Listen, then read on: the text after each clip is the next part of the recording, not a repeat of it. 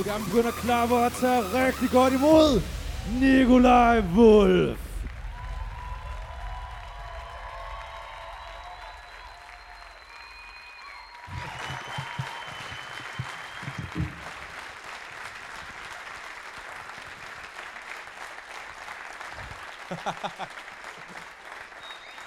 God aften, Bremen! Hold da kæft. Banner, hvad står der der? HTX Jomfru-rækken. Ja, det er ikke noget, jeg personligt vil gå rundt og skilte med. Øh. Nå, folk skal sgu da ikke vide, at jeg har gået på HTX. Det ville da være mærkeligt. Hold kæft, mand. God aften, og, og tusind tak, fordi I kom, og Tusind tak for udsolgt. Det er jo fuldstændig sindssygt, at, at der er så mange mennesker, der, der, der kunne i dag. Jeg har glædet mig helt sindssygt meget, og øhm, det, altså, wow, hvor, hvor, er det, hvor er det fint. Det, er, jeg, jeg har glædet mig så sindssygt meget til at optræde for jer, fordi det her show, det, det, det er mit hjertebarn. Altså, jeg har brugt et år på at skrive det her show.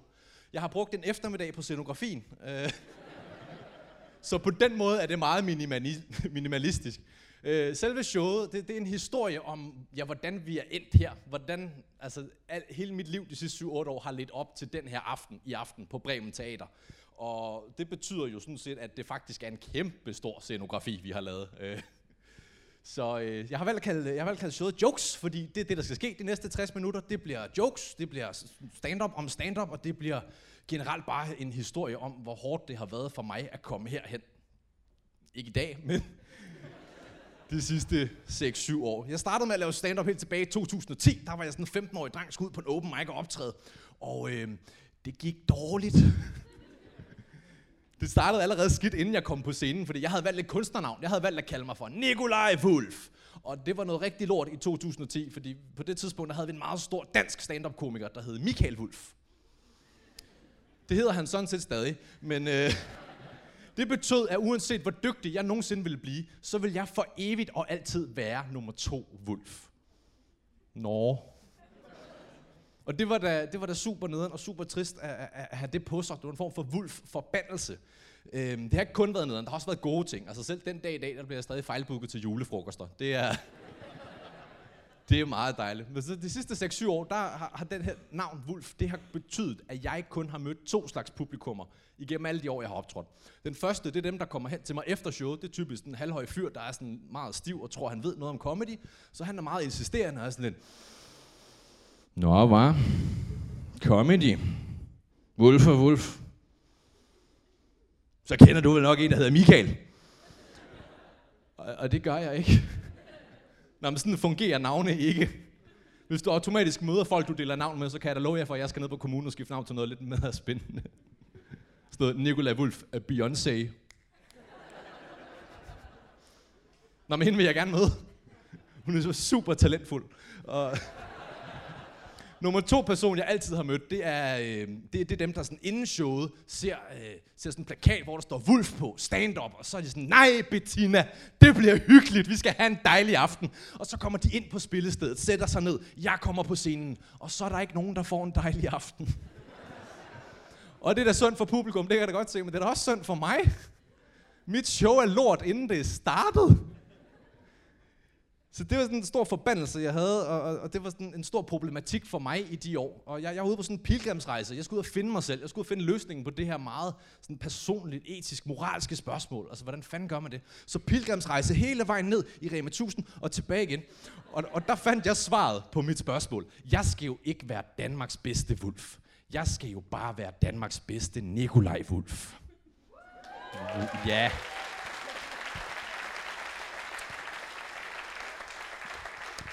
Og det gik også godt. Det gik også rigtig godt i cirka 6 måneder, indtil det gik så godt, at jeg begik den kæmpe fejl, at jeg lige googlede mig selv. Det skal man ikke. Man bliver skuffet. For det viser sig, at øh, Nikolaj Wolf, han er øh, Danmarksmester i bueskydning. Jeg er nummer to til at være mig. Mega frustration. Hvordan fanden løser man den ned i Rema tilbage igen? Vi staves på fucking samme måde. Jeg var sådan lidt, det skal jeg ikke være ked af. Det udnytter vi. vi skal, det skal vi ikke være ked af. Vi skal bare have lidt sjov med nogle kontaktinfo. Det bliver grineren. Det gjorde det ikke. Jeg har fire turneringer i næste uge. Det er noget hø. Jeg skal til Finland. Altså, jeg, ved, jeg er aldrig blevet forvekslet med ham her bueskytten, men jeg havde på det tidspunkt en lille forhåbning om, at han var blevet forvekslet med mig. At han inden sådan en stor turnering har fået stukket en lap papir i hånden, hvor der står konfirmationsjob, skive. Altså, de mener skydeskive, den klarer jeg. Og så... Nå, men prøv at forestille dig det. Inden sådan DM-finalen, afgørende pil, Nikolaj Wulf stepper op på, på pladen. Han skal bare ramme, så har vi en ny Danmarks mester.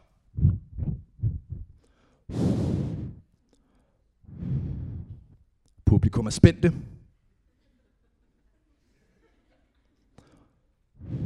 Og så lige inden han slipper den og bliver Danmarks mester, så er der en i publikum, der rejser sig op og råber, Hey, kender du ikke en, der hedder Michael?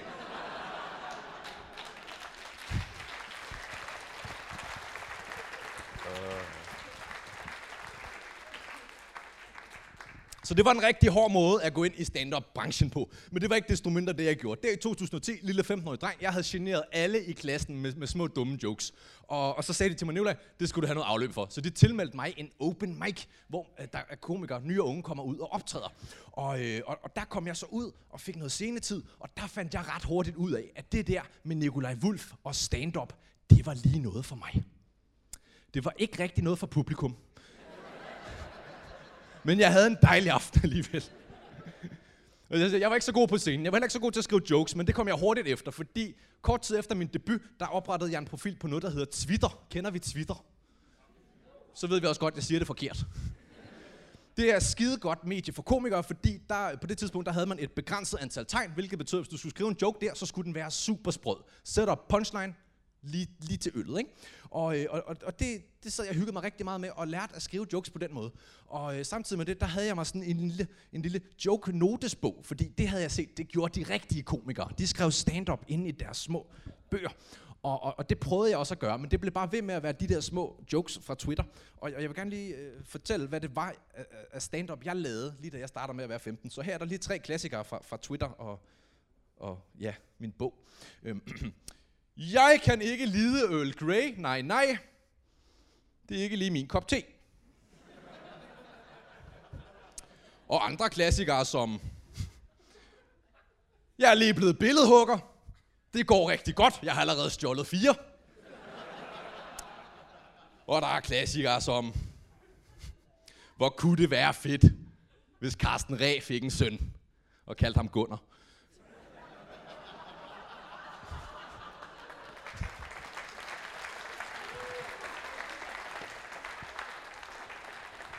Så jeg sad bare kun i 2010 og 11 og koncentrerede mig om at skrive jokes i min lille bog. Og det fik også lynhurtig indflydelse på min skolegang. Jeg startede gymnasiet der i 2011, øh, fra 12 til 13, 14, og, øh, og der, det, det gik sgu meget med sådan noget. Nikolaj, han hører jo ikke efter overhovedet. Han sidder bare, jeg kan godt se, at han sidder og tager notater, men jeg ved godt, at han sidder og skriver jokes. Så mig og min lærer, vi havde sådan en form for fight. Øh, i, I de år på gymnasiet, der havde jeg det meget med min dansklærer, som jeg har det med Tour de France i fjernsynet. Det var meget noget, der bare kørte i baggrunden. Og det bemærkede han ret hurtigt. Så på et tidspunkt på tredje år, der sagde han til mig, Nå, ja, hmm, hvem gennemgår hele årets pensum på mandag? Hmm, ah, Nikolaj Wulf forklarer alt. Og, og, og, og jeg vidste ikke, hvad fanden jeg skulle gøre, for jeg kunne ikke sige nej. Så sagde han, han, han mig til side, og så sagde han, Nikolaj, din uh, præsentation skal vare 30 minutter og indeholde et slideshow. Så det jeg gjorde, det var, at jeg mandagen mødte op, og så var det bare mig, der kurede hen og gulvet frem og tilbage en halv time. Så det var et, et meget anstrengt forhold, min lærer og jeg havde. Øh, ikke forhold, forhold, vi knippede ikke. Øh. Han gav mig 12 i mundtlig, men det var så også det tætteste, vi kom på det.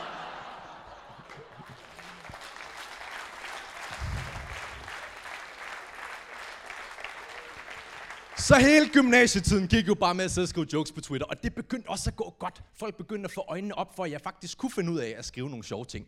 Jeg begyndte at få likes i flertal. Fire. Og det var... Det var jeg simpelthen så glad, og fordi folk bemærkede mig, og der var også, der var, der, altså det var ikke bare likes, der kom ind, der var også folk, der skrev søde kommentarer som, nej, haha, sjov joke, og ej, jeg så dig forleden, det var et godt show, og nej, tillykke med guldmedaljen, alle de der ting. Og folk var bare så rare, og, og det peakede på et tidspunkt, hvor jeg gik viralt i, i 2012-13 stykker.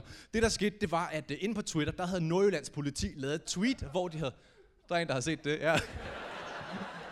Det, der skete, det var, at Nordjyllands politi de havde tweetet, det er vinter, så pas på derude. Vi salter vejene, der kan være glat. Og så havde jeg øh, svaret dem med, øh, så tror jeg, I gør det forkert. og så havde jeg taget et screenshot af det, puttet på Facebook, bang, 10.000 likes. Og det betød, at jeg ude på gymnasiet fra den ene dag til den anden gik fra at være et fucking nobody til at være nogen. Da jeg kom ud på gymnasiet dagen efter, jeg sparkede døren ind, og der falder konfetti ned og ballonger, og jeg high-fiver alle hele vejen ned gennem gangen. Og der var en fyr, ikke? Han gav mig en gratis dagens ret. Det var fantastisk. Og det var den bedste tid i mit liv. Jeg signerede bryster på stribe, og også nogle af pigerne. Så det var... Det var super.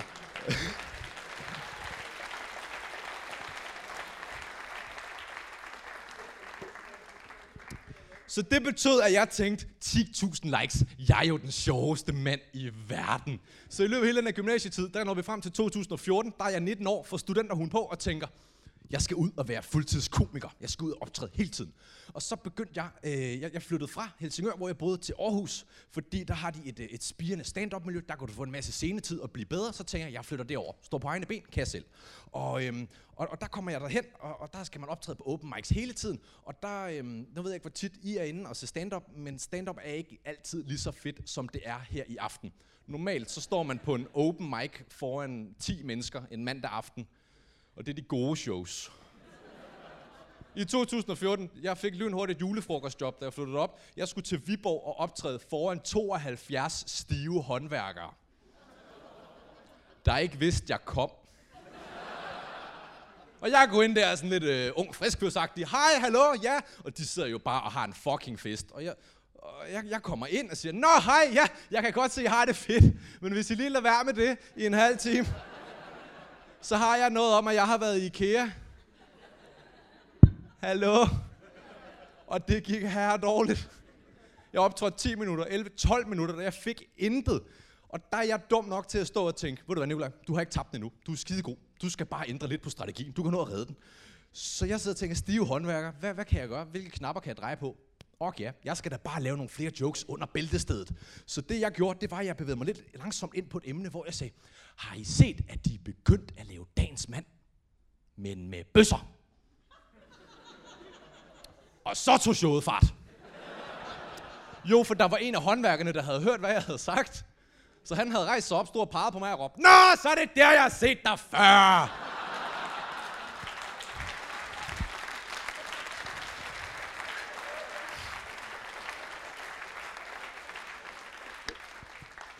Stand passer bare af helvede til nogen på de der jobs, fordi arrangører er fucking idioter. Jeg har engang varmet op for Candice. Helsingørhallen 2014. Åh oh, jo. Først Nicolai Wulf, så Candice. Og jeg havde jo glædet mig her meget, fordi de er jo fucking rockstjerner, ikke? Så kunne jeg møde dem.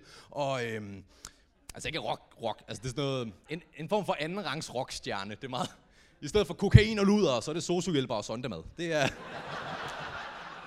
og jeg havde glædet mig her meget, og jeg havde forberedt mig rigtig godt. Øhm, og, og jeg sidder så der backstage med dem, og det er meget hyggeligt, og jeg kan godt se, at det er en form for andenrangs rockstjerner. Fordi når, når, når folk, øhm, altså hvis de kommer hjem backstage efter et show, altså nede på hotellet, og der er en groupie, der er brudt ind, så er det bare sådan en rar, gammel groupie, der har bagt en kage. Med glasur på. Hvis du er rigtig rockstjerne og kommer ind på hotellet, så står der bare en nøgen groupie. Med glasur på. Det er, en fin lille forskel. Og jeg kan godt relatere til det der andenrangs rockstjerneliv, fordi jeg har jo øh, Wulf-forbandelsen. Det er jo vand i forhold til, at forsangeren i Candice hedder Johnny Hansen. Hvis vi lige skal have de unge med en gang. Johnny Hansen var en øh, form for kendis-nazist fra Greve, vi havde. i start nullerne. Jeg tror, at øh, Candice Johnny har det lidt stramt med at dele navn med Nazi Johnny. Og jeg tror, at Nazi Johnny har det lidt stramt med at dele navn med Candice Johnny tror jeg, de bliver forvekslet? Det vil jeg godt se. Ja, undskyld, min fyrer. Vil du godt spille den med Lonnie fra Berlin? Nej. Kom nu! Oh, ja, det er ikke DJ Johnny, det her, altså. Kom nu! Jamen så... Oh, oh, så få de hænder op. Øh.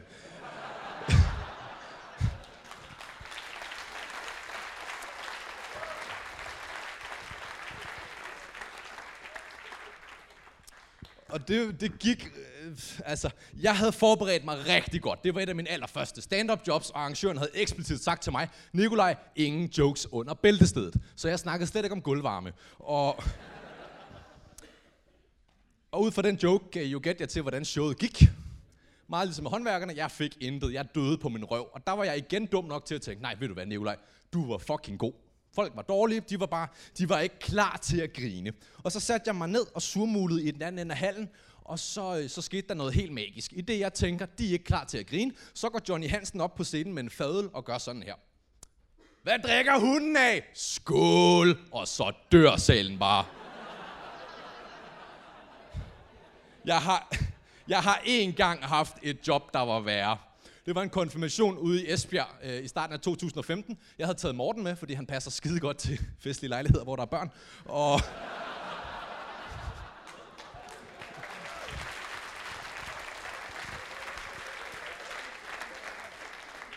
Og konfirmationen, det, det lå sådan et lille sted uden, sådan uden for Esbjerg, så vi kunne ikke komme derhen med bus eller med taxa, så jeg havde bedt arrangøren om at skaffe os et lift.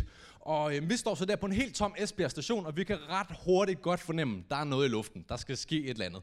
Og mens vi står, og der er helt tomt, og venter på det her lift, og kigger på hinanden, så kommer der en bil ind på parkeringspladsen, så der sådan nærmest drifter, lige laver en donut og kommer hen til os. Og ud af en limegrøn Fiat Punto, med fartstriber. Der stiger den her dude ud, ikke? og han var bare herre meget fra Esbjerg.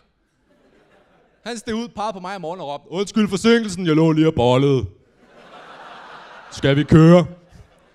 Og det skulle vi jo, så vi satte os ind. Og så begynder turen fra helvede bare. Og manden var tydeligvis psykopat, fordi han var skaldet, tatoveringer, vest på. Og han havde, og hold nu godt fast, han havde hurtigbriller på, uden ironisk distance. Han synes, de var fede. Til de ældre mennesker henne, han så sådan her ud. Så kører vi. Der har stået en mand i Esbjerg sådan her, foran spejlet om morgenen og tænkt, hold kæft, hvor ser du godt ud, mand. Hold kæft, du lækker, Brian. Selvfølgelig hedder han Brian. Øh. Så han har bare stået sådan der, og vi, øh, vi, vi sætter os ind, og så, så begår Morten lynhurtigt turens første fejl. Han tænker, ja, det godt lige make lidt conversations. Så han, øh, han spørger psykopaten, glæder du dig ikke til at se vores show? Og psykopaten svarer uden at tøve, nej. Jeg var faktisk slet ikke inviteret. What? Så han kunne godt lige gøre op med en tjeneste, men han kunne ikke lige komme med blandt de 200, der var inviteret.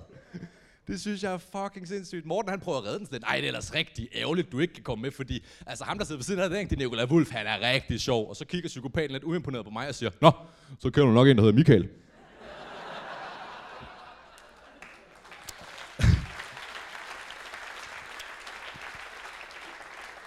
Og så prøver jeg at redde den og siger, nej, nej, altså, det, det bliver rigtig sjovt. Morten, ikke? han er altså tryllekunstner, han er rigtig dygtig. Og så lyser psykopatens øjne bare her meget op. Sådan er han tryllekunstner? Jeg hader tryllekunstner.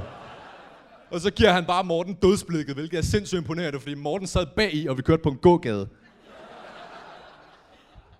Og vi når akkurat at komme ud af Esbjerg, så ringer psykopatens telefon, og det er Esbjerg, man tager den. Så han, øh, han, han tager den her telefon og svarer den, som om vi ikke var til stede. Det var sådan noget, ja, hallo? Ja, hej. Ja, jeg bollede hende rigtig meget, ja. Kæft, mand.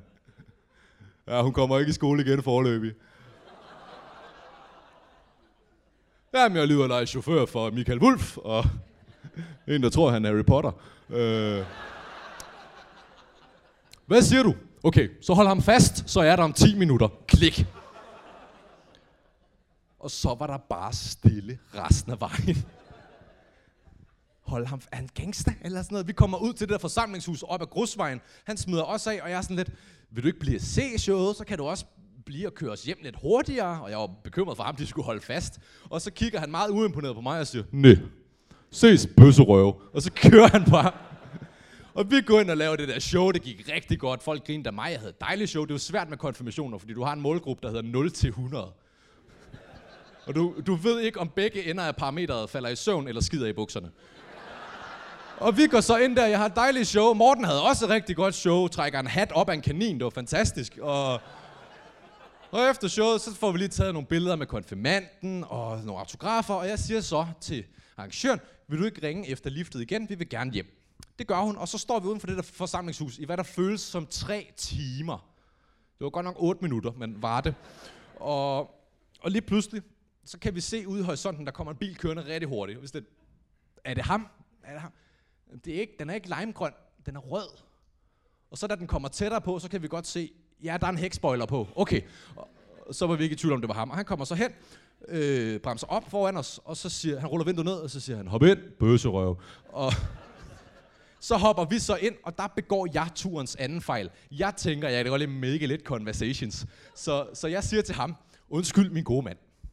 Morten og jeg er lidt uh, sultne efter vores performance. 10, jeg håbede æder, Funstro kunne anbefale en, uh, en kebabsted i Midtbyen. Ja. Og så kigger manden på mig, som om han havde tænkt sig at slå en hundevalg ihjel. Kebab? Shawarma? Du skulle ikke æde sådan noget perkermad, det er ikke godt for dig. Du skal spise noget dansk, meget bedre. Jeg kørte ned på hjørnet, de laver god pizza.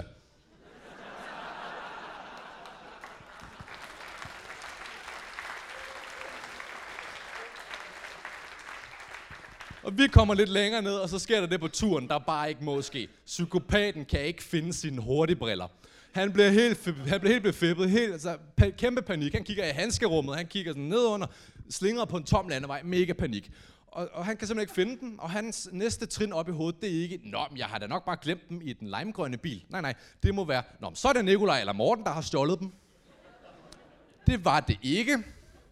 Og han bliver bare vredere og vredere. Altså på et tidspunkt, han er sådan et stykke fra at gå fuld jeg er Hassan på mig. Giv mig min briller, eller åbner din fucking røv, mand. Den skal ikke åbnes. Ja. Altså mine underbukser, de var ikke bare lidt fugtige. De var som trukket ud af en vaskemaskine. Det var forfærdeligt. Og vi, øh, han bliver bare vredere og vredere, og vi når ind i Esbjerg Midtby, hvor han til sidst giver os et ultimatum. Han siger, giv mig mine fucking briller, eller jeg smider jer af. Og vi havde ikke brillerne, så vi blev smidt af midt i Esbjerg, og han var sådan lidt, fuck jer, I skal ikke komme tilbage til Esbjerg. Og så kører han bare fuld Gaddafi ned gennem Midtbyen, og så var han væk. Og mig og Morten står sådan panikken, hvor fanden er vi? Og vi når knap nok at få Google Maps frem, for at se, hvor Esbjerg station er henne. Før at øh, manden kommer tilbage den anden vej. Han kører sådan noget 180 i timen, gågaden, laver lige halvanden donut og kommer tilbage. Og så sker der noget helt magisk. Manden stopper op foran os og gør sådan her.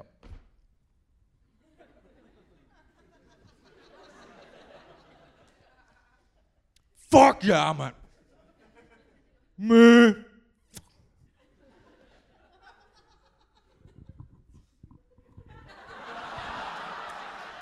Og så var han væk.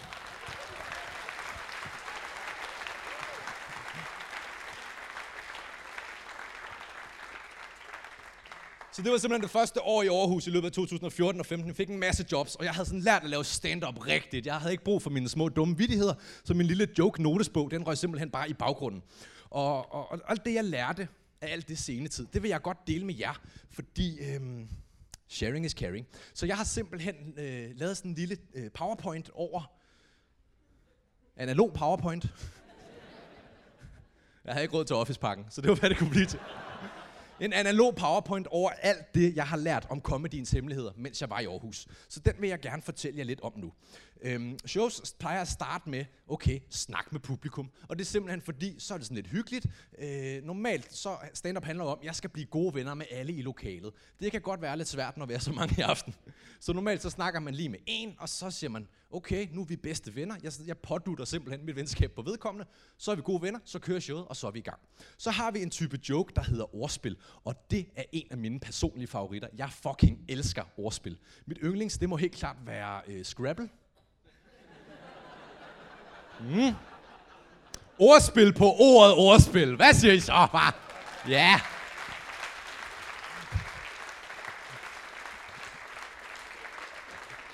Det var et mærkeligt klap derovre fra, du Jeg tror, det er sjovt.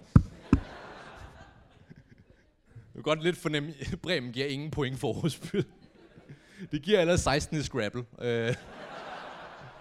Så har vi noget så fint som callbacks. Det er, hvor man refererer tilbage til noget, man har sagt før. Og det er noget, man, øh, man oftest bruger til ligesom at, at putte en fin sløjfe på et show. Så kan man lige slutte showet af med at sige, Nå, Nicolai Wulf er bueskytte. og så videre. Så det er simpelthen en lille, lille ting. Så har vi et slide, der hedder, der troede I lige. Og det er den slags jokes, der i fagtermer hedder en decoy joke, hvor man, øh, man siger noget, og så vender man lige rundt på det hele. Et eksempel på det, det kan være, ja, så sad jeg lige og tissede, og det var dejligt, og så blev jeg smidt ud af IKEA. Okay. Så har vi noget så fint som en joke-type, der hedder hov, hov, hov, hov, hov, hov, joken. Og det er den type joke, hvor øhm, først så griner man, men så finder man ud af, at den er lidt grov, må jeg grine af det? Så er det sådan, nej, ja, måske. Et eksempel på sådan en joke har jeg selvfølgelig også taget med, den går således. Undskyld, min gode mand. Hvad har du i posen der? Jo, jeg er glad for, at du spørger. Det er tre hestefødder. hov, hov,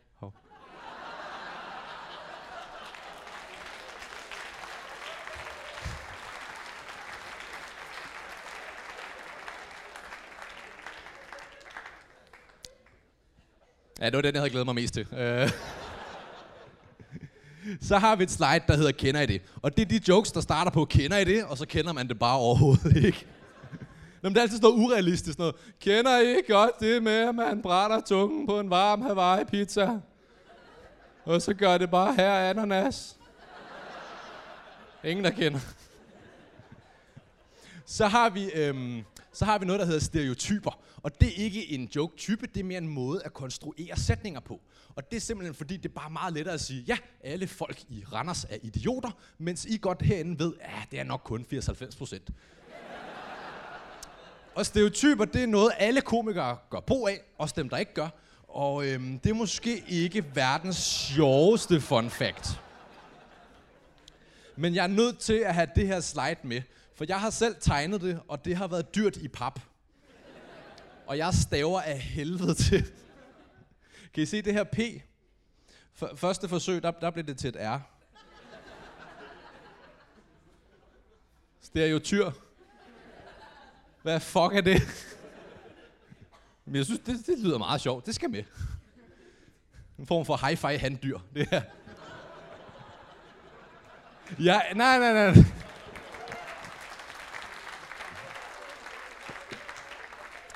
Jeg aner ikke, hvad fuck det er, men jeg tror, den ser sådan her ud.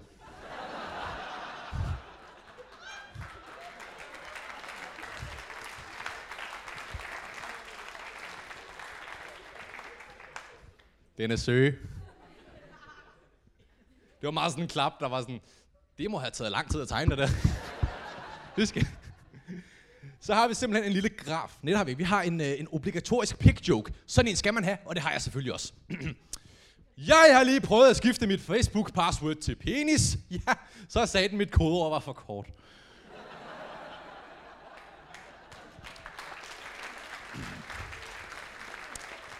Så har vi en lille graf. Og det synes jeg er spændende. Vi tager lige en time-out og ser, okay, hvordan er et stand-up show egentlig opbygget. I kan se, starter stille og roligt. Lille dyk her med ordspil på ordet. Ordspil-joken. Jeg synes, det var meget sjovt.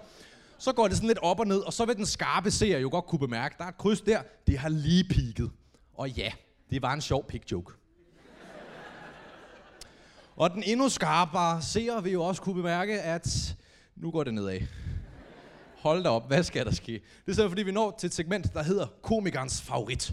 Og det er en type joke, I vil kunne genkende i et hvert stand-up show. Fordi vi komikere, vi er meget stadig. Vi siger ordspil på ordet ordspil. Det er fucking sjovt. Den skal med, men det ikke får super meget reaktion hos publikum. Så jeg har taget øh, min yndlings øh, øh komiker favorit joke med. Den kommer her. jeg tror ikke på sommertid. Nej, nej. Det er blot en dille. Jeg giver det et halvt år.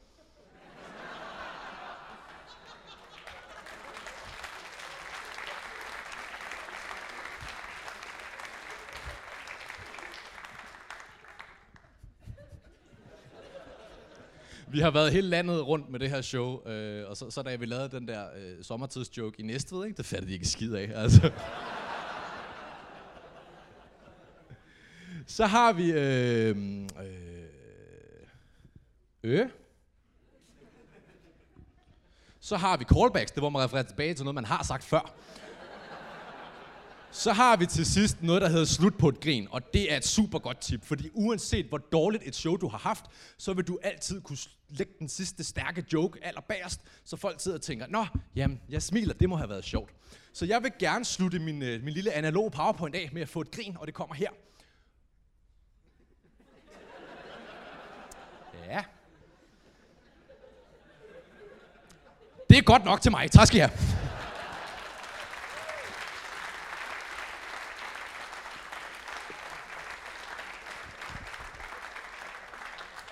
Så, så hele 2014 og 15 gik med, at jeg var en bedre komiker, og så i slutningen af 2015, der skete der det, der bare ikke måtte ske. Min lejlighedskontrakt i Aarhus, den udløb. Det var lige ved semesterstart, så jeg kunne ikke finde et nyt sted at bo. Det var noget rigtig lort. Og jeg var sådan lidt, ja, men jeg komiker, drøm, øh, opvarmer for Candice, julefrokost, stive mennesker. Gider jeg overhovedet det her mere? Og jeg var sådan lidt, jeg er i den anden ende af landet nu prøver vi at blive ved. Og jeg kunne simpelthen ikke finde et sted at bo i Aarhus. Så jeg tænkte, hvad gør man så? Man flytter da lidt uden for Aarhus. Og jeg endte i en dejlig lille by, der hedder øh, Randers. Ja, der boede jeg lige tre måneder, så. I har måske hørt om Randers. Det er, at jeg har nogle fordomme om Randers, og der vil jeg gerne lige starte med at afkræfte dem. Det er meget værre dernede. Øh. Jamen, det var forfærdeligt. Vi, vi havde sådan et meget fedt sted. Jeg flyttede op med min, min roommate Mads, som er kok, og, og vi fik sådan en dejlig lejlighed. Det kostede 1.500 øh, i alt, og vi havde to etager og en milliard kvadratmeter, fordi hvem gider bo i Randers? Og, og det, gik, det gik også fint. Indtil, til, altså det lød godt på papiret, men så da vi, vi kom der ind og havde sådan skrevet under på kontrakten, så vi godt se, okay, der er nogle seriøse mangler herinde. Øh, en ting, der var mest essentielt, det var, at vi havde ikke noget køleskab. Der var ikke noget køleskab i lejligheden. Og, og det var noget rigtig lort. Altså, jeg, jeg kan godt se ironien i en kok uden køleskab. Altså, Mads, han kunne ikke lave mad. Altså, det er som en frisør uden en saks. Nikolaj Wulf uden jokes. Altså, Nikolaj Wulf uden en guldmedalje i bueskydning. Bare de der små essentials. Og det var en, en hård tid. Det var midt om vinteren, så, så jeg havde alle mine kølevarer ude i tagranden. Det er rigtigt. Sådan levede jeg i tre måneder. Og det var først efter en måned, det gik op for mig, at det kunne sgu da være smart, hvis den der mælk blev i kartongen.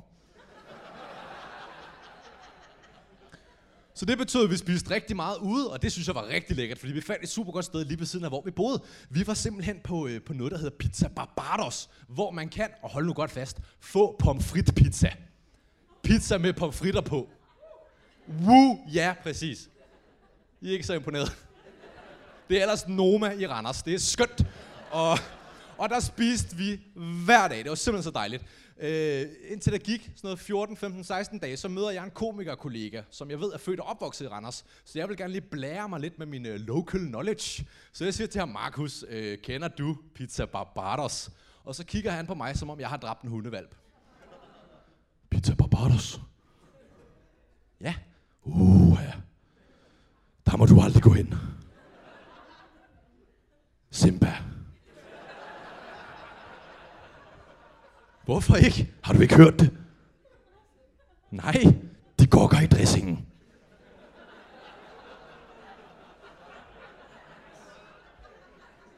Hvad? Den dressing antiloperne spiser. Så jeg har bare gået og et gokkepizza. Det var da forfærdeligt. Tre uger bare med det. Fy for helvede. Som om jeg ikke havde det svært nok i forvejen. Så hvis, jeg, Jeg, kunne, jeg havde vendt mig til at spise ude, så jeg havde overtalt Mads til at lave sådan en maddag. Og det gik rigtig smart, fordi Mads han er meget ambitiøs i sin madlavning. Han er sådan en high-end kok. Så jeg, hver mandag så fik jeg sådan en lækker, lækker mad, som også blev leveret, som om det var på restaurant. Det var som at være på restaurant. Og så, så gav han mig den, og så siger han, ja, her har vi en, øh, en lækker øh, risotto i trøffelolie, dertil øh, øh, øh flamberede tigerrejer i en øh, øh, lækker anretning sammen med pocheret æg. bon appetitis. Og det er så lækkert. Jeg spiser som en konge. Og, øhm, og øhm, maddag går jo begge veje. Og jeg kan ikke lave mad overhovedet. Altså et spise med prise. Jeg er den der tredje mest ukendte bror, der står over i hjørnet og spiser smør. Det er mig. Men jeg er også ambitiøs, så jeg leverede det på samme måde. Så ja, vær så god, Mads. Her har du øh, to stykker skarpskåren, gylden ristet øh, stykker mølle på gårdbrød, bagt på økologiske rokerner. Dertil har jeg anrettet den med en fin, fin øh, øh, øh, øh, tysk højlandsgris, serveret med den pureste kvalitetsost fra Lidl.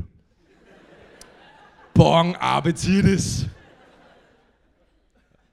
Jeg var meget sådan, er det ikke lækkert? Og Mads var meget sådan, du har lavet toast. Ja!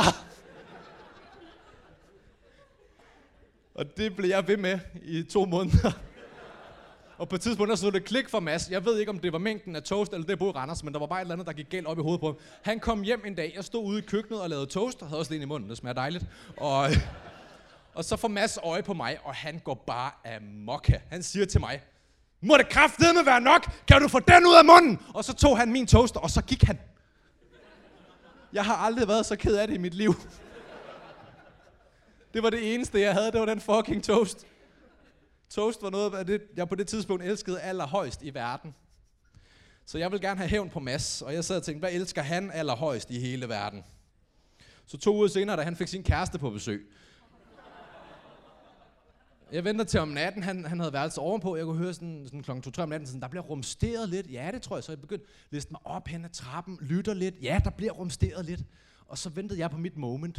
Og lige pludselig så sparkede jeg døren op og brassede ind og råbte, kan du få den ud af munden?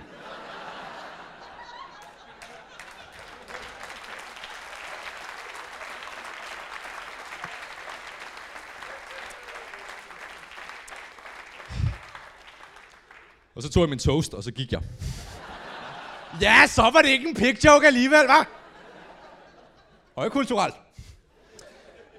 Det var, øh, det, det, det var en hård tid, og, og hver gang jeg fortæller den historie, så er folk meget sådan, at jamen, jeg vil godt høre noget mere om, hvordan fanden det er at bo i Randers. Og, og, og så har jeg tænkt, okay, det kan jeg sgu godt fortælle lidt om. Og, og jeg er jo den perfekte mand mm, til at fortælle. Hold kæft til at fortælle lidt om, hvordan det er at bo i Randers. For jeg har boet der i tre måneder. Det vil sige, jeg ved alt, men jeg er ikke nået at blive kulturelt påvirket. Det, jeg gerne vil fortælle jer, det er her øh, nogle fun facts om Randers fra en, der ikke er blevet påvirket whatsoever.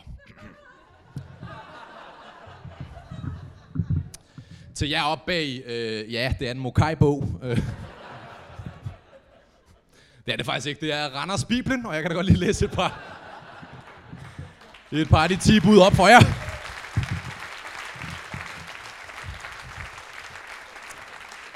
Du må ikke begære din næstes hustru. Mindre hun har store patter. Her er det 10 fun facts om Randers. Randers er en bakkeby. Den er meget kuperet, og det er simpelthen fordi, den er bygget på lort. Der bor 62.000 mennesker. Jeg forstår det heller ikke så er det også meget populært at gå til pæren i Randers. Favoritterne det er tebirkes, spandauer og mokajkage. Og så er det meget populært lige at tage en håndværker med på vejen som uddannelse.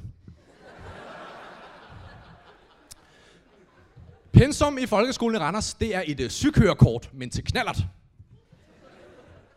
De kalder det et ordentligt sygkørekort.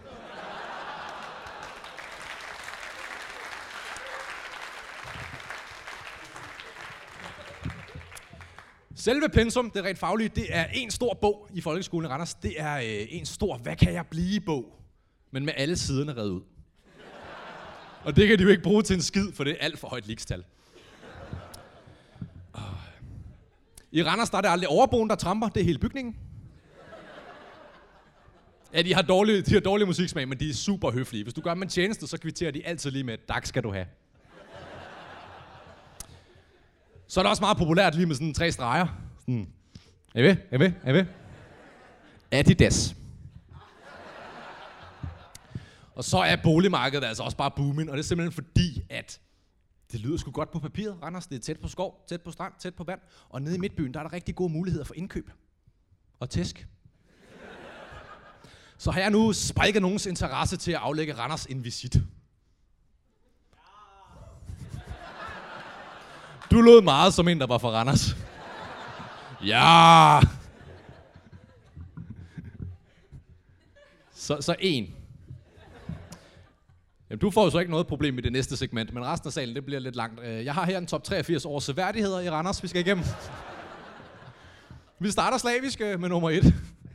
Ting, man skal besøge Randers. Øh, Randers Regnskov, og det er simpelthen et dejligt sted, hvor man kan gå ind og kigge på alle mulige øh, sager og helt fucked up arter. Og det gælder både regnskoven og byen. Så øh, resten af top 10, det er sådan en masse kirker. Nummer 4 på listen over spændende ting i Randers, det er Mariager Kirke. Mariager, som er en by, der ligger 27 km nord for Randers, har det fjerde mest spændende i Randers. Jeg kan godt fornemme, at den her liste mister lidt troværdighed. Jeg har fundet den på TripAdvisor. Nå, men hvor går grænsen så? Har du, har du været i Randers? Har du set pyramiderne? Det er lidt længere nede her. Ja, bare følg vejen, det er fint.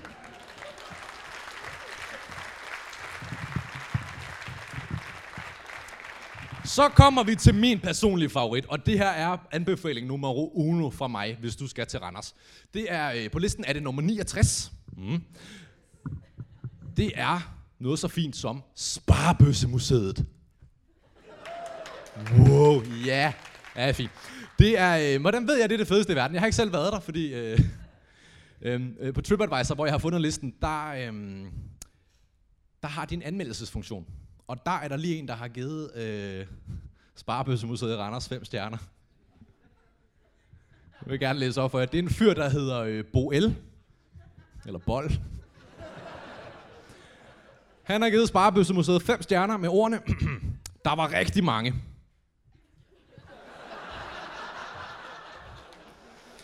Det er, det er meget kvantitet over kvalitet, synes jeg.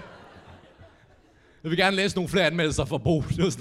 Hvordan var bodegaen? Den var fed, mand. Masser af tisk. Mm. Hvordan var Nikolajs show? Fantastisk. Masser af jokes. Var de gode? Nej. Har du været på Pizza Barbados? Ja, masser af dressing. Mm. Så det var noget rigtig hø at, uh, at bo i fucking Randers. Og det, og det, jeg var der tre måneder, og det noget skulle lige blive 2016, inden, inden jeg flyttede hjem. Og det, der fik mig sådan triggeret til at flytte tilbage, det var et, øh, et, et GoMore-lift, en GoMore-tur, jeg var på. Kender folk GoMore herinde på La Klam? Rimelig meget de fleste. Jamen, bare lige så alle med. GoMore er en form for rideshare-app, som udmærker sig ved to ting. Øh, den er rigtig billig, og så er det ikke DSB. Øhm, og jeg pendlede meget frem og tilbage på det tidspunkt, fordi øh, jeg ville gerne have, at folk skulle tro, at jeg havde venner. Og øh, jeg er så i København en søndag aften. Jeg skal tilbage til Randers. Det er sådan lidt okay, fint. Og vi skulle op og nå den absolut sidste fave. Og øh, vi havde aftalt, at vi skulle mødes på Hovedbanegården, men jeg var rigtig god tid. Så jeg sad lige inde på, øh, på Burger King, fordi pomfritter. Og øh, på Gomo, der, der kører du med en total fremmed, der giver dig et lift. Og øh, jeg var lige inde og gøre min research. Jeg skulle lige se, okay, hvem fanden er det, jeg skal køre med? Og øh, det der, det bliver lidt uhyggeligt. For der var ikke særlig meget info på ham her. Der var to stykker info. Det første, det var hans øh, profilbillede. Det var et stokfoto af tulipaner. Manden er jo psykopat. Den anden info, det var hans navn, men ikke noget efternavn, kun fornavn. Han hed bare Ymit. Og så tænkte jeg, fedt, BMW. Øhm.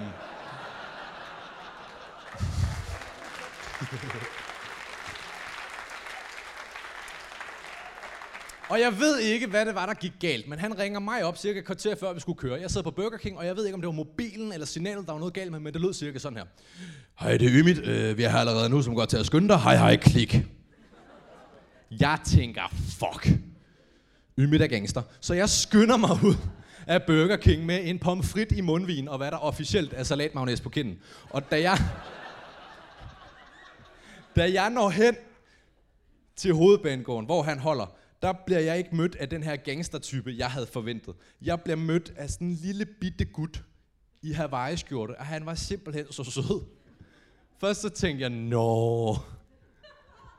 Så tænkte jeg, du er ikke gammel nok til at have kørekort. altså hvis jeg havde motorsavkyndig, ikke? jeg havde ikke, jeg havde ikke givet mig kørekort. Jeg havde givet mig en vasker. Ja, det var lush. Og jeg, jeg går så hen til ham, og jeg forventer det der, hej, jeg hedder Ymit med. Men det var ikke rigtigt, hvad, hvad der kom. Jeg, jeg siger, hej, jeg hedder Nikolaj, og så kvitterede han med, hej, jeg hedder Ymit. Okay. Så jeg proppede mine earphones ind, satte mig ind på forreste sæde, og så kørte vi bare derud af. Øhm, til de af jer, der har kørt fra København op for at skulle tage færgen op på Sjællandsåret, I ved godt, det er ikke øh, skide svært at komme derop. Det er ret svært at køre forkert, faktisk. Men Ymit, han er ikke bleg for en udfordring, og øh, vil faktisk være synd at sige, at han var bleg. Øh, og jeg sidder så bare der og passer mig selv, kigger ud af vinduet, og lige pludselig så bliver jeg mødt af øh, velkommen til Holbæk. Og det er ikke skide meget på vejen. Så jeg, jeg, jeg tager den der ind i earphone ud, og så siger jeg til Ymit, hvad fanden laver du? Ymit, hvad har du gang i? Og han var meget sådan lidt, jeg hedder Ymit! Dude, vi kørte forkert. Vi skal op og nå den sidste færge. Nu når vi det ikke. Hvad fanden gør vi? Åh, oh, panik, panik. Undskyld, det kunne han godt se. Og vi, vi tjekker lige på, på iPhone, på deres app. De er lidt forsinket. Vi er lidt forsinket. Vi tager chancen. Så vi kørte derud af rigtig hurtigt, fordi bilen var tunet. Og da vi så kom derop, rundt om, så kan vi så se, færgen holder der stadig. Jeg tænker, yes. Ymit, han tænker, yes. Og vi når så hen til bommen og prøver at stikke kort i. Vi kan se folk lige ved at køre på færgen. Og vi stikker kortet i, og så siger bommen, øh, I kan ikke komme ind her. Og Ymit undrer sig lidt over, at den snakker så godt dansk. Øh. Og, øh, og vi panikker lidt, fordi vi skal med den her færge, vi må ikke komme ind, og sådan, åh, hvad gør vi, hvad gør vi? Og så ser jeg det der lille hus over i hjørnet, hvor kombardorerne sidder og drikker kaffe. Så jeg går hen og banker på og siger, må vi ikke godt komme med? Der kommer en dude ud og siger, nej, I må ikke komme med. Og Ymit siger, please. og der sker hverken værre eller bedre, end de bare siger nej. Og vi kommer ikke med færgen. Og, og der er fandme langt fra åden til Randers. Hvis du ikke kan tage færgen, så skal du hele vejen nedenom. Og, og jeg var bare simpelthen så vred, og det var i forvejen en ret hård tid i mit liv, fordi jeg bor i Randers. Jeg har problemer med at tage til fucking Randers, altså. Og det er jo ikke, det er jo ikke rart for nogen. og jeg, øh, vi kunne ikke engang køre tilbage af motorvejen, fordi så skal vi tilbage til København, det kan ikke betale sig. Så vi, vi kørte ned igennem en masse øh, midtjyllandske byer med sådan noget 30 i timen. Og vi kom igennem en masse skodbyer som Sten Magle og Assentorp og Namek og jeg ved ikke hvad. Og vi, øh, vi, vi kommer så ned over, over broen, og jeg surmuler hele vejen hen over Fyn. Jeg er simpelthen så rasende, og Ømil bliver vist lidt, skal vi ikke snakke? Nej, skal vi ikke. Og, og, og jeg, jeg, jeg når sgu først at tø op, da vi kommer hen øh, øh, forbi Fredericia og er på Jylland, og jeg er sådan lidt i Jylland. Og øhm, jeg, jeg tør lidt op, fordi Ymil, han blev ved med at spørge sådan lidt, Nå, vi skal få noget ud af turen, vi kan lære hinanden lidt bedre at kende. Og jeg, jeg siger, okay. Og Ymit spørger så, hvad jeg laver til daglig. Og jeg siger, nej, jeg laver stand-up. Og Ymit siger, du er ikke sjov.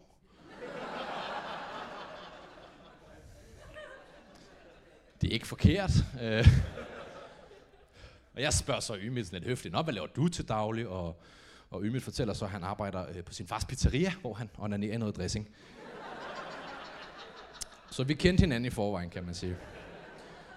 Og vi når skulle blive meget gode venner. Vi kører op gennem Jylland klokken er sådan noget 2-3 om natten, og, og samtalen fader så hen, for vi er trætte, og han skal koncentrere sig om at køre. Og, og der bliver jeg meget poetisk og symbolsk. Altså, jeg synes, jeg, jeg sidder og kigger ud af vinduet, og der er mørkt. Det symboliserede meget godt mit liv på det tidspunkt. Jeg var ude og jage stand-up drøm, men jeg kunne godt mærke, at jeg gad det ikke rigtigt. Det var nu allerede to-tre år siden, at det der polititweet gik viralt, og jeg havde bare ikke fået noget ud af at jage den drøm, jeg, jeg havde håbet på. Så jeg var sådan, mit liv er mørkt, og har mørkt. Meget dybt. Øh. Altså alt er lort. Mit liv er lort. Ymit er fucking lort. og der gik det op for mig, jamen jeg er jo åbenbart ikke sjov, hvis det ikke er gået bedre, og jeg har knoklet så meget.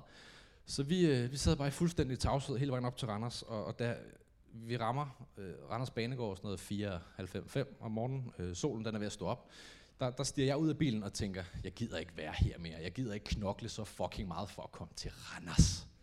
Må jeg da være fri. Så jeg, jeg stiger ud af den der bil, og der beslutter jeg mig for, okay, nu stopper jeg med at lave stand-up. Og så kigger jeg øh, øh på, på Ymit, og så bliver jeg lidt poetisk igen og tænker, han er jo meget symbolet på det hele. Altså, fra den ene dag til den anden, så var han der bare, og så fyldte han bare alt i de her 7-8 timer. Altså, så, så gik det meget godt, og så var der noget overraskelse, og så blev jeg sur, og så tog vi op, og gode venner, og nu er stille og roligt. Og, og, og, og da Ymit, han, øh, han, han smækkede døren i og sagde, ses! og kørte ned mod, mod solopgangen, og drejede til højre, så kiggede jeg efter ham og tænkte, wow, var det bare det? Han kom ind i mit liv lige så hurtigt, som han forsvandt. Er det det samme med stand-up? Jeg vidste ikke, altså. Og da jeg stod og kiggede, så gik det meget hurtigt op for mig, jeg kommer aldrig til at se Ymit igen. Det gjorde jeg så, for han kom den anden vej, han havde kørt forkert.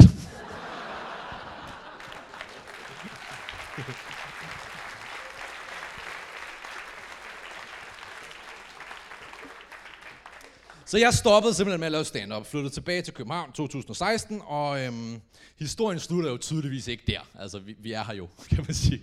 Øh, og jeg, jeg fik lige pludselig en masse fritid øh, på hænderne, fordi nu, nu, nu laver jeg ikke stand-up mere. Hvad, hvad, hvad skal jeg så bruge tiden på? Og der var jeg simpelthen så heldig at finde mig en sød kæreste, og det var meget passende, fordi så lavede jeg ikke stand-up, så kunne jeg lave hende i stedet for. Og øhm, nej, men det gik meget godt de første par måneder. Øh, hun får helt sikkert 12 i mundtlig, og... Øhm, vi kommer så 5-6 måneder ind i forholdet, før hun smider en, en bombe på mig. Hun, hun, hun siger til mig, først et halvt år inden, at, at hun er født og opvokset med en condition, der gør, at, at hun er født og opvokset på Fyn. Der var jeg skuffet. Altså, det var ikke bare Fyn, det var Assens. Det ligger jeg helvede til. Det betyder, at hun er lige så sød og dejlig, som hun er snot dum. Jeg havde hende med i sommerhus på et tidspunkt. Hun fandt et spil Scrabble, pegede på det og råbte, Nej, se skat, de har Wordfeud på bræt. Åh, oh, Gud.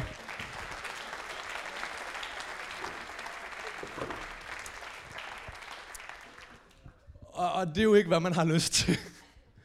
og at hun er fra Fyn, det, det har simpelthen betydet, sådan en afsidesdel af Fyn, i de 22 år, hun har levet, hun har aldrig set andet end hvide mennesker og indavl. Jo, og vi, vi skulle til børnefødselsdag på et tidspunkt. Det var min lille søster, hun fyldte den 4, 5, 6, 7, 8, 9 år. Og der, øhm, der havde vi købt en gave til den fødselsdag. Og jeg havde glædet om det børnefødselsdag, det er det fedeste i verden. Der boller, lavkage, små børn, alt det der. Og øhm, vi har købt en gave, et spil med twister. Og vi kommer så kørende i med S-toget, og der, øh, der holder S-toget så ind på Nørrebro station. Og der kan I godt se, uha, konflikt incoming. Vi, øh, jeg kan lige male et billede for jer. Vi sidder på sådan en helt tom, en helt tom togkupé. Kører ind på Nørrebro, Nørrebro station. Jeg sidder her. Min kæreste, hun sidder her. Og over for os, helt tom togkupé, der ligger gaven spillet med twister. Toget holder ind, og øh, ind i kupéen kommer fire indvandrerdrenge, hvor til min kæreste per refleks vælger at gøre således.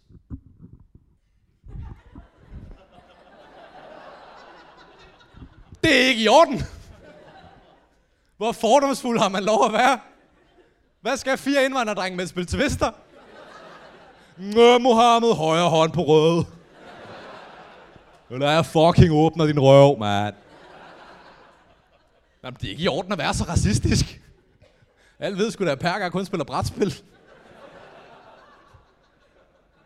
Skak, hvid starter, så stopper du.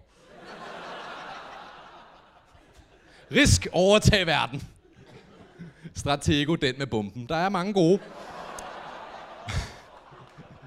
og jeg, jeg, jeg sad og tænkte, jeg kunne godt fornemme, det må være for sjov. Det kan hun ikke mene. Det er jo for sindssygt. Og jeg havde stadig det der komikergen ind i mig. Jeg havde ikke optrådt i 6, 8, 9 måneder. Men, men jeg kunne ikke lade det der gå. Jeg tænkte, det er jeg nødt til at top.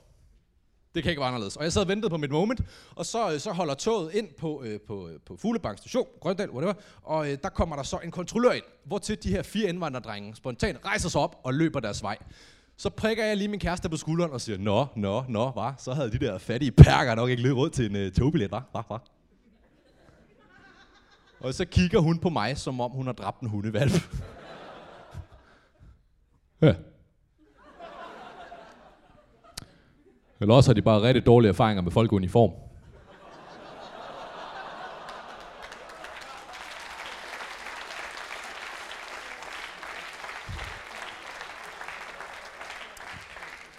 Det er en fuldstændig sindssyg historie. Og den er også løgn. Det, der skete, det var, at øh, vi sad i toget, og så øh, havde vi købt en gave, spillet med Twister, og så var vi på Nørrebro station, og så øh, var der nogen, der gerne ville sidde ned, og så var min kæreste lige sød af, rykke det. Men jeg kan godt se, hvilket billede det sætter mig i nu. Jeg ligner jo et kæmpe pikhoved over for jer. Og, øh, og, og nu skylder jeg jo jer en, en rigtig historie om noget dumt, hun har gjort. Så den kommer her. Jeg var i bad på et tidspunkt, og jeg kommer ud. Øh, jeg har kun et håndklæde om livet, og jeg kommer ind på værelset, hvor hun ligger på sengen, og hun er sådan lidt frækfyrsagtig og siger til mig, kom og læg dig på mig. Ruff. Og jeg er lidt en dirty slot, så den griber jeg, og tænker, det kan jeg godt toppe. Så jeg begynder at lave sådan lidt en, lidt en fræk dans. Sådan, mm. I kan forestille jer det. Sådan, og så tænker hun, jeg kan godt toppe ham, jeg kan godt toppe ham. Og så vil hun gerne nynne en fræk pornomelodi a la Bounty wow wow. Det var bare ikke, hvad der kom ud af munden på hende. Jeg er faktisk ret sikker på, at det var temaet til Harry Potter. Dyn, dyn, dyn, dyn, dyn, dyn, dyn, dyn. Dyn, dyn, dyn, dyn, dyn. dyn. Ja, så nu hedder min pik Hagrid. Det er...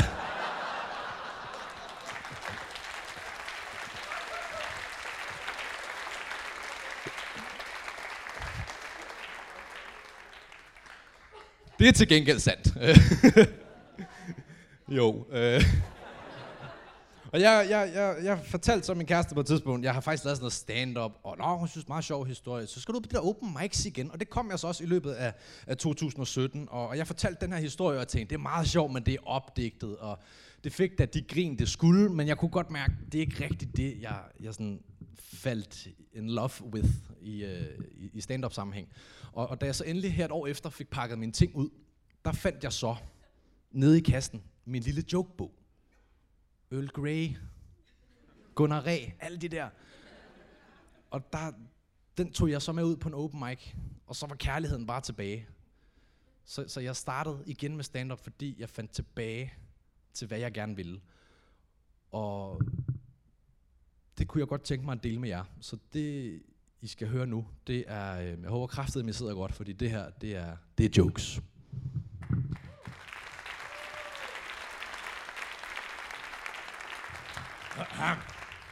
Jeg har lige opfundet en ny form for chokoladebar med karamel, peanuts og savsmuld. Jeg kalder den Snickers.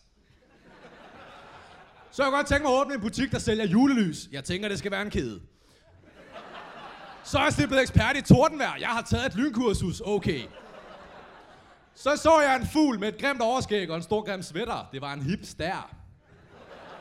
Hvis jeg nogensinde får en søn, så skal han hedde Noah, og altid have en stak papir under armen. Mm, mm, Noahs ark. På et tidspunkt så sagde min vejleder til mig, Nikolaj, du skal til at komme noget mere til timerne, ellers tager vi din SU. Så det jeg gjorde, det var, jeg gik ind i klassen, bukserne ned, pikken op på bordet, og så råbte jeg, det er det et dårligt ordspil! Og så gik jeg. Sker det nogle gange, at jeg ikke ved, hvad det er, jeg har for enden af mine arme? Jo, jo, det hænder.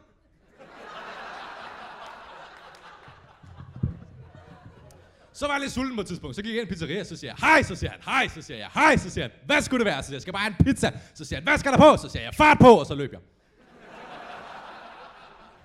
Jeg har lige købt en kat, og jeg har døbt den Fidget, for når man er den, så spinder den. Så har jeg mistet mit job som tankpasser hos Shell. Nå. Til gengæld havde jeg fundet ud af, at mit pik kan være et hotdogbrød. Det synes jeg er ret sjovt.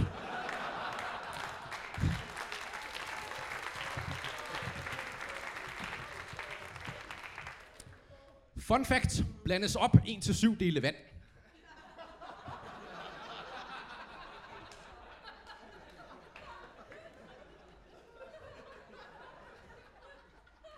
Det er den joke, I kan huske efter showet. Hvis det godt, at oftest ofte er grådige mennesker, der griner mest, fordi de vil bare her, her, her, her. Så gennemførte jeg et maraton på 17 timer og 45 minutter. Da jeg kom i mål, så sagde folk til mig, Nikolaj, godt gået. Så jeg godt tænke mig at blive pusher, så jeg begynder at skubbe til folk. Hvis der er noget, jeg kan fordrage, så er det lys, der bliver slukket ved hjælp af en sensor. Så skal man høre på det der klik. Du har fået 0-0. Så var jeg i synoptik på et tidspunkt. Så siger jeg hej, så siger han hej. Så siger jeg hej, så siger han hej. Velkommen til synoptik. Er der noget, jeg kan hjælpe med? Så siger jeg nej tak, jeg kigger bare. Og så siger han, hvorfor er du her så? Jeg har aldrig forstået telefon 6. Den vibrerer slet ikke nok. Så var jeg til filosofieksamen, hvor jeg fik 12, for jeg, mit produkt, det var et, øh, et hul, og det var meget dybt. Så jeg lige sat min opvaskemaskine på skånevask, så nu er den svensk. Min mors søster har lige været med i et madprogram. Masterchef, tak skal I have. I skal passe på, at jeg ikke snører jeres sko efter showet, for jeg er bindegal. På et tidspunkt, så var der en mand, der kom ind til mig og sagde, hej, så siger jeg, hej, så siger han, hej, så siger han, ved du hvad, vi skal have spist til aftensmad? Så er jeg sådan lidt, uha, uha, uha. Er det trekornsbrød? Er det flyt? Er det landgangsbrød? Baguette-leg. Så er jeg også begyndt at gå med vanter, og I tænker måske, du er en stor idiot. Nej, nej, jeg er en trendsetter. Giv det et halvt år, så går alle med det. Så har jeg også lige øh, været på Google og været inde på Urban Dictionary, hvor jeg har fundet ud af, at ordet Fortnite er fransk og betyder, få dig et fucking liv.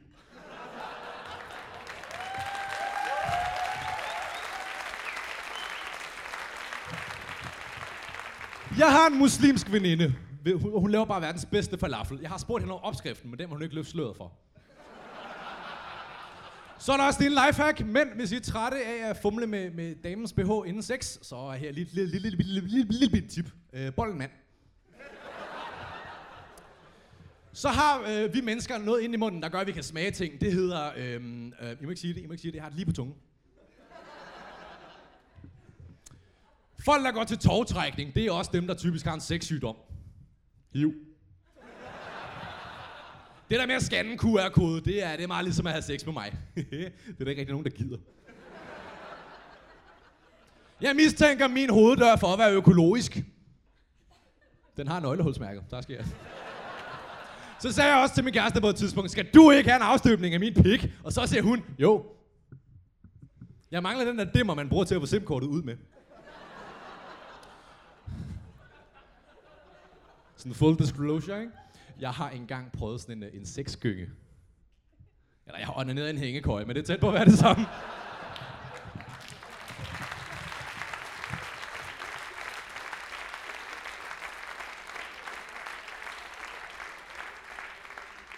Så det var simpelthen en opsummering af alt det dummeste, jeg har skrevet de sidste 7-8 år på Twitter.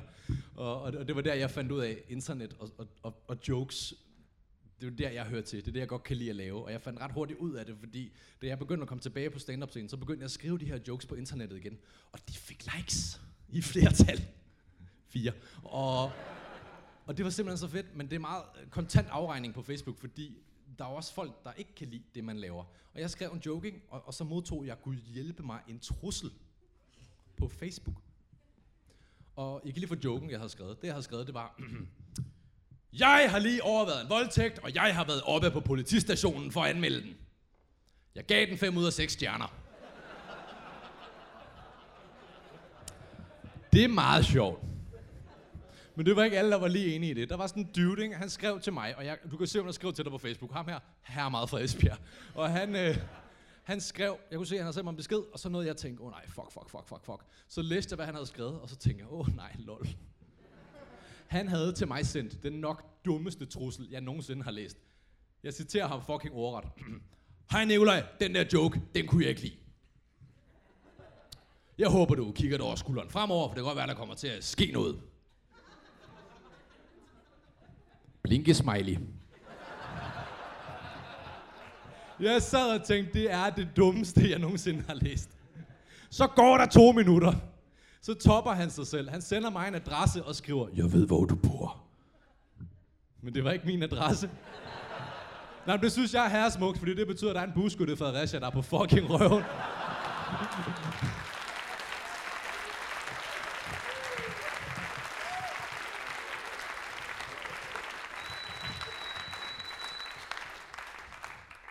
Og det, at jeg fik den besked, det fik mig til at indse, det er jo fucking ligegyldigt, hvad folk de tror, de ved om dig. Det er lige meget, hvad de synes om dig, for det er sandsynligvis forkert.